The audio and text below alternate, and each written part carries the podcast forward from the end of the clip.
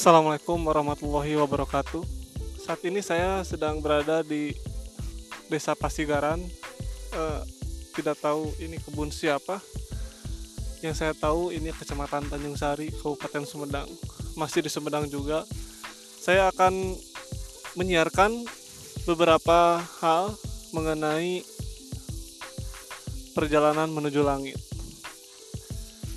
Buku ini saya kupas supaya kalian yang mendengarkan tahu dari manakah jalannya supaya kita bisa ke langit. Bukan langit yang material, namun langit yang aktual. Buku ini asli, bukan fotokopian. Buku ini ditulis oleh Prof. Dr. Ahmad Tafsir, masih dosen di UIN juga. Profesor Ahmad Tafsir ini pun mengajar di S2 Filsafat di UIN.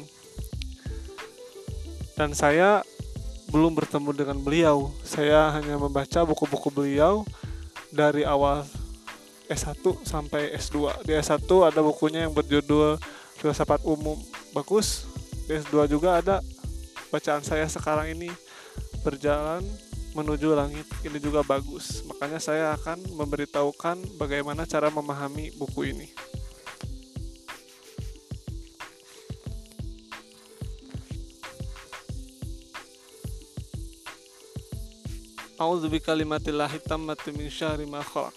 Begitulah cara meminta izin supaya terhindar dari apa yang tidak kita inginkan.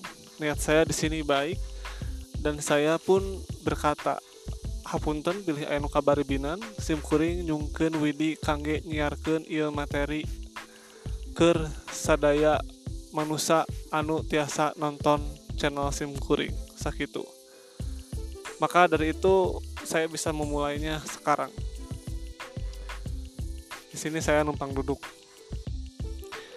Di halaman pertama dikatakan dalam menjalani kehidupan ini sering kali sering kali kita merasa marah kita tahu bahwa itu tidak baik. Pikirkan apakah marah itu baik atau tidak. Lalu kita merasa malu, menyesal setelah kita marah, begitu membabi buta, berlebihan, ya akhirnya kita pun menyesal. Setelah menyesal, lantas tobat dan tidak akan marah lagi, tidak akan marah yang berlebihan lagi. Marah sih boleh, tapi kalau berlebihan itu akan membuatmu menyesal. Marah itu ada porsinya, namanya juga manusia. Ada porsi marah, sedih, bahagia, tertawa, dan diam. Tetapi apa yang terjadi? Kita marah lagi, walaupun kita sudah sudah tobat ya. Menyesal lagi, tobat lagi, tomat, tobat lagi, maksiat lagi, maksiat itu sesuatu yang tidak baik. Dan terulang lagi terulang lagi terulang lagi. Begitulah diri kita. Dipermainkan tidak hanya oleh perangai amarah tetapi juga perangai lainnya. Bukan hanya tobat dari marah terus kita ulangi-ulangi tapi tobatan dari yang lainnya juga. Seperti gibah kita tobat ulangi lagi ulangi lagi terus-terus menerus seperti itu. Itulah manusia terkadang ia melakukan kesalahan menyesal diulangi lagi diulangi lagi. Tuhan bisa mengampuni tapi jika manusia apakah dia akan memaafkan? Tergantung manusianya. Makanya hati-hati jika bergaul dengan manusia. Musuh manusia bukanlah manusia yang lain bukanlah manusia yang terkuat bukanlah pemimpin yang zalim bukan. Tapi diri sendiri yaitu kurangnya kemampuan dalam mengendalikan diri. Jika kalian tidak bisa mengendalikan diri, jika teman-teman semua tidak bisa mengendalikan diri, artinya apa? Artinya kamu bisa dikendalikan oleh orang yang bisa mengendalikan dirinya. Kalau orang bisa mengendalikan dirinya, niscaya dia akan menjadi pemimpin dan bisa mengendalikan yang lain. Apakah kamu mau dikendalikan? Did you have a free will? Kamu punya kehendak bebas? Sungguh banyak kerugian yang kita alami gara-gara kita kurang mampu mengendalikan diri. Contohnya kita tidak bisa free will. Free will saya beri contohnya ya. Lihat.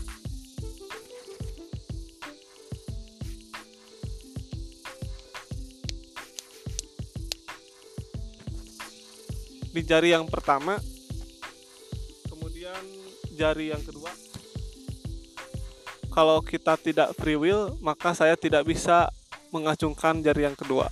Berhubung saya free will maka saya bebas menggerak-gerakan ini semua. Kalau tidak free will maka saya tidak bisa ke mana-mana. Pasti segalanya sudah teratur sudah terukur dan tidak bisa dikurangi apalagi dilebih-lebihkan. Buktinya saya free will adalah saya bisa melakukan sesuatu dengan yang berlebihan. Saya bisa mengurangi sesuatu yang ada pada takarnya. Saya bisa menghancurkan sesuatu yang orang lain tidak sangka-sangka. Itulah free will yang diberikan oleh Tuhanmu. Kita free will, apalagi Tuhan. Itulah sifat-sifat Tuhan yang dimiliki oleh manusia. Ketika manusia mengaktualkannya, niscaya dia akan makrifat wahdatul wujud. Dia akan sadar betapa agungnya kekuasaan Allah sehingga dia dermawan dan tidak mengatur-ngatur makhluknya yaitu manusia dia bisa berkehendak bebas. Tidak ada paksaan dalam agama. Itu kelebihan dari manusia. Beda dengan hewan. Kalau buat sarang di pohon terus-terus aja di pohon. Tidak ada berkembang. Tapi manusia berhubung punya free will maka dia terus berkembang. Musuh manusia adalah diri sendiri. Kita lanjutkan. Yaitu kurang kemampuan dalam mengendalikan diri. Sungguh banyak kerugian yang kita alami gara-gara kita mampu kita kurang mampu mengendalikan diri, kita dijajah jadinya.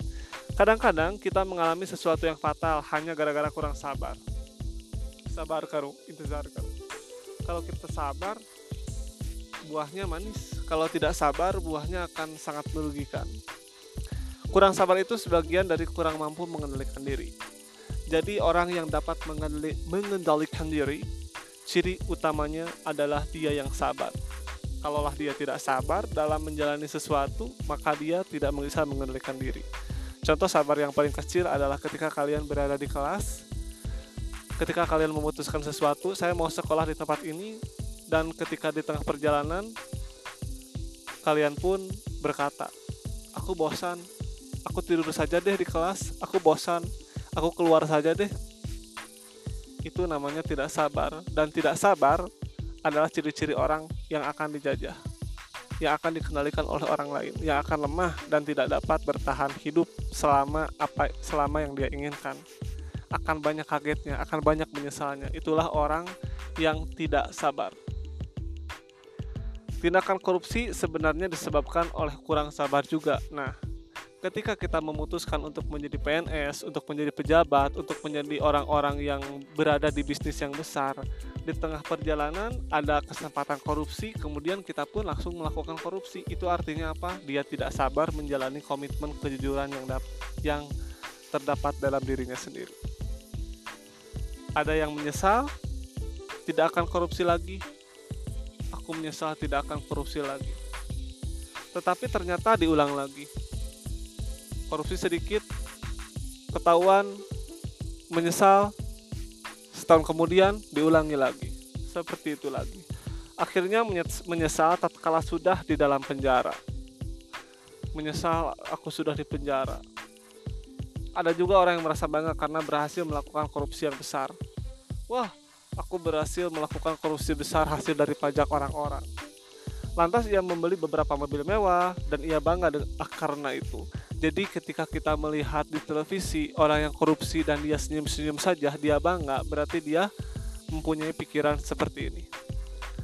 Aku sudah bisa beli mobil, aku sudah bisa beli rumah, kalaupun saya di penjara dan nanti bebas lagi saya bisa menikmatinya. Aku sudah membeli rumah, aku telah mempunyai istri, kalaupun saya bebas saya bisa mengambil tabungan-tabungan saya di luar negeri. Jadi tidak ada ruginya saya di penjara yang rugi di penjara itu ketika di Cina. Di Cina kalau ada orang korupsi ditembak mati. Kalaupun seperti itu maka tidak ada yang namanya tobat. Kalau satu kali korupsi akibatnya mati. Itu kedisiplinan negara. Berhubung di sini belum ada, maka butuh proses untuk sampai pada taraf seperti itu. Lantas ia membeli beberapa mobil mewah dan ia bangga karena itu akhirnya ia menyesal juga tatkala sudah dipindah paksa ke penjara. Paksa ke penjara kalau ke penjara kelas 1 dia belum menyesal karena masih bisa membeli fasilitas. Ke penjara kelas yang tidak ketat, dia bisa membeli sofa, AC, kasur, ruangan-ruangan, internet, laptop, komputer. Dia tidak akan menyesal, dia masih bisa produktif, masih bisa berkarya. Apalagi yang lebih parah, ketika di penjara, dia pun bisa bebas ke luar negeri, ke Bali, ke Singapura. Itu kalau di dalam negeri ke Bali ya. Ke tempat-tempat wisata dia bisa seminggu, dua minggu.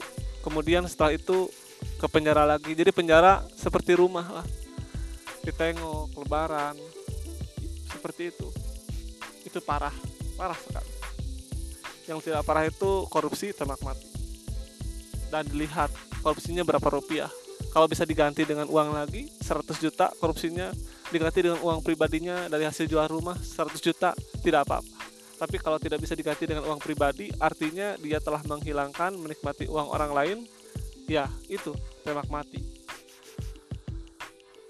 Nah, akhirnya ia menyesal tatkala sudah dipindah paksa ke penjara. Menyesal itu ketika ditem mau ditembak mati dan dipindah ke Nusa Kambangan. Di Nusa Kambangan penjaranya di luar pulau, di luar keramaian, di luar pemukiman penduduk. Jadi satu pulau itu penjara semua. Susah untuk bebas. Kebanyakan mereka menyesal dan tidak akan mengulangi kesalahan yang mereka perbuat. Apa sih penyebabnya? Kok susah benar menjadi orang baik? Penyebabnya ada pada diri sendiri. Memang tidak mudah menjadi orang yang baik. Tidak mudah. Di penjara itu penyebabnya bukan karena orang lain, tapi karena diri sendiri. Semua itu tidak mudah. Sabar itu makanya banyak yang di penjara. Lihat saja penjara, tidak tidak jarang, tapi penuh. Karena buah dari ketidaksabaran itu di penjara. Tidak mudah menjadi orang sabar. Memang tidak mudah karena sabar itu menyakitkan, melelahkan, membosankan. Sehingga orang yang bisa kuat akan mendapatkan buah yang sangat manis, baik di dunia maupun di akhirat. Dan yang paling berarti adalah di akhirat. Sedangkan di dunia kalaupun tidak mendapatkan buahnya, tidak apa-apa. Karena dunia hanya sementara bagi orang-orang yang beriman yang bisa menikmati kesengsaraan dan bisa menikmati kekayaan juga. Dua ya. Bukan hanya kesengsaraan yang didapat, tetapi kekayaan juga dapat dinikmati. Orang yang kurang beriman, tidak dekat dengan Allah, dia tidak dapat menikmati apa yang dia punya. Kok susah menjadi orang baik? Penyebab ada pada diri sendiri. Memang tidak mudah menjadi orang sabar. Pemurah, murah hati, murah senyum, derma, hidup bersih, mandi setiap hari, cuci kamar mandi, membersihkan toilet, penuh disiplin, tepat waktu, on time, menepati janji, tidak mudah. Terkadang ingkar janji selalu ada. Bagaimana cara memperbaikinya? Meminta maaf, kemudian mengganti kerugian kalaulah orang lain merasa dirugikan. Jika ingin, pilihlah jalan kehidupan yang dapat menuntun ke arah kehidupan yang lebih baik ke manakah itu ke jalan kehidupan yang lebih baik? Kuncinya ada pada pengendalian diri. Contoh satu saja, Anda dapat berhasil dalam kehidupan ini adalah mengendalikan diri kalian sendiri. Ada banyak jalan kehidupan, ada jalan buatan manusia, jalan sekuler, jalan keterpisahan, jalannya ilmuwan, jalannya orang-orang yang sukses secara berdagang.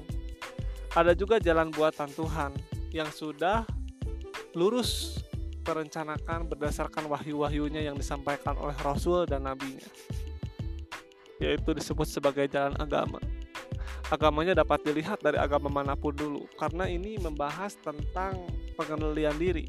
Di agama mana pun dibahas tentang pengendalian diri ini. Barang siapa yang dapat mengendalikan diri niscaya dia akan menang.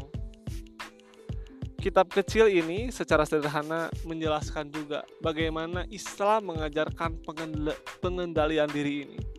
Sehingga manusia dapat sampai pada tujuan akhirnya yaitu apa? Menuju langit immortal secara jiwa merasakan kebahagiaan kekekalan dan keabadian itulah bagian pertama pada halaman 1 sekian dari saya kita akan lanjutkan pada bagian kedua.